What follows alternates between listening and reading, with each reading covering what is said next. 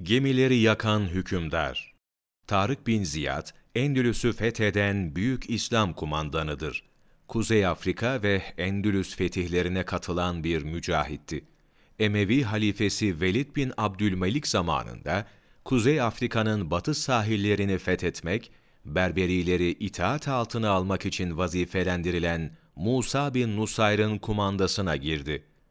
İspanya ve Avrupa'nın fethi için ileride yapılacak sefer hazırlıklarına keşif gayesiyle 710 yazında Güney İspanya, Endülüs sahiline çıktı. Keşif tamamlanıp dönünce Endülüs'ün fethiyle vazifelendirildi. Tarık bin Ziyad, Musa bin Nusayr'dan aldığı 7 bin askerle Kuzey Afrika sahilinden Septe boğazını geçip İberik Yarımadası'na çıkarma yaptı. Sahildeki dağa topladığı askerlerine geri dönme ümidini bırakmamak için karşıya geçtiği gemileri yaktırdı.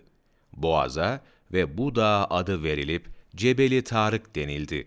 Hemen fetih harekatını başlattı. Carter'i ve Algaziras'ı fethetti.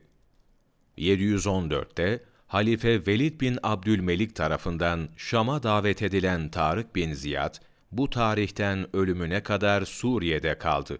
720 senesinde Şam'da vefat etti. Tarık bin Ziyad en büyük İslam kumandanlarındandır. Son derece adil ve metindi. İspanya'da İslam adalet ve merhametinin güzel bir numunesini gösterdi. Bu yolla fütühatını kolaylaştırdı.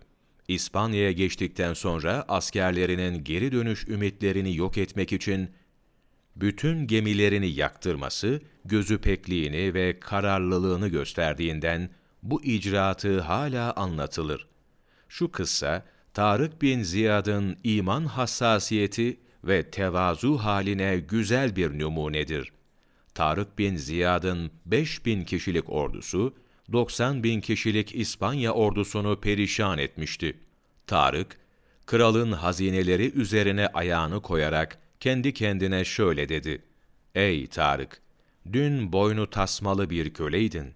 Gün geldi Allah Celle Celaluhu seni hürriyetine kavuşturdu.